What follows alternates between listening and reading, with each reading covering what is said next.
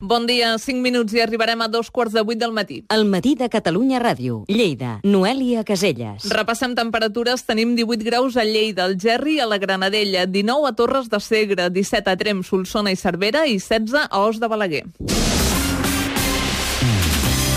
Ho dèiem en titulars, dos ciclistes han mort a Navarra després de volcar un tràiler de Gramunt. Els fets van passar al terme municipal de Murillo el Cuende. Per causes que s'investiguen, el camió que portava porcs va volcar justament quan passava pel costat del grup de ciclistes. Dos d'ells, de 47 i 57 anys, van quedar sota el vehicle i van morir a l'acte i un tercer està ferit lleu. El grup estava format per sis persones en total. El conductor del camió, veí de Gramunt, va haver de ser atès per una crisi nerviosa.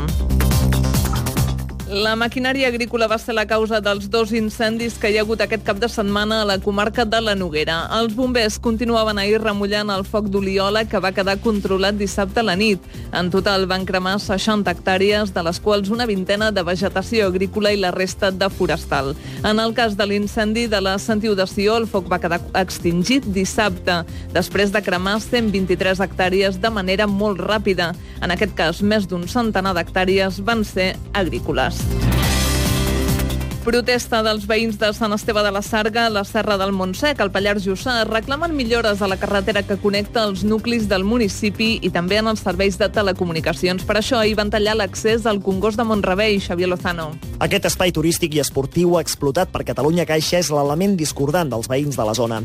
Lamenten que l'administració només promocioni aquest destí turístic i s'oblidi de les persones que viuen als pobles de la Serra.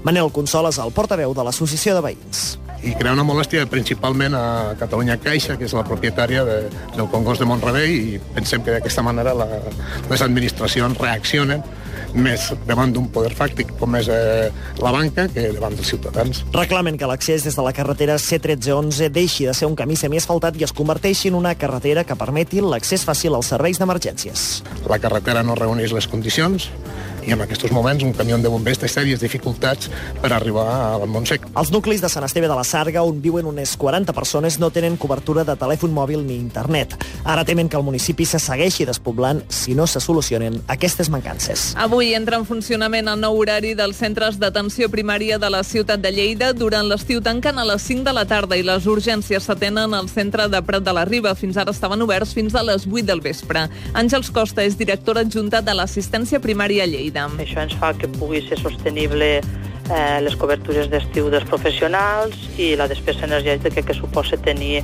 en franges horàries de molta calor els centres oberts.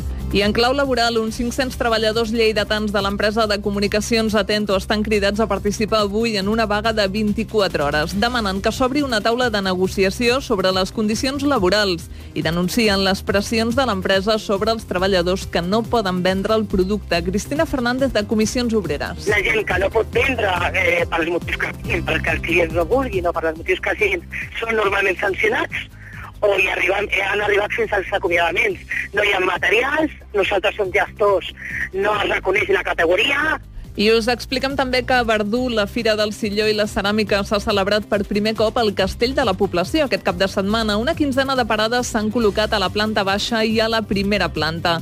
El president de l'Associació de Ceramistes de Verdú, Magí Sambola, ha destacat l'encert d'aquest canvi d'ubicació. Sí, molt molt, els, eh, els, els estants o les parades, com si diguéssim, llueixen, llueixen molt més, l'entorn l'entorn és molt més agraït. No estem al bat del sol, que també és una, una qüestió important ara en aquest temps. Jo penso que els firaires que han vingut estan contents del, de la ubicació.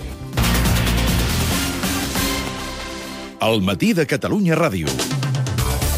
Ho avançàvem en titulars, l'ambaixador israelià a l'estat espanyol inaugura avui Perseguits i Salvats, un projecte que recupera el pas de milers de jueus a través del Pirineu català fugint de l'Holocaust nazi. Anem a sort, Eloi Barrera. Bon dia. És un dels capítols més desconeguts de la Segona Guerra Mundial. Uns 20.000 jueus van travessar el Pirineu amb expedicions clandestines i èpiques, comptant amb la complicitat dels habitants de la zona. Ara es vol posar en valor aquest episodi històric i oferir-lo com a atractiu turístic, sobretot al públic israelià. Joan Renyer és el president de la Diputació de Lleida poble jueu que pot ser prescriptor de visitar-nos i de conèixer aquesta realitat, la qual cosa ens ajuda també en generar una part important del que és la nostra economia. Aquesta setmana el turoperador israelià Arkia estrena els vols entre Tel Aviv i l'aeroport de Lleida al Guaire, amb què preveu portar fins a 2.000 turistes aquest any. Eloi Barrera, Catalunya Ràdio, Sort.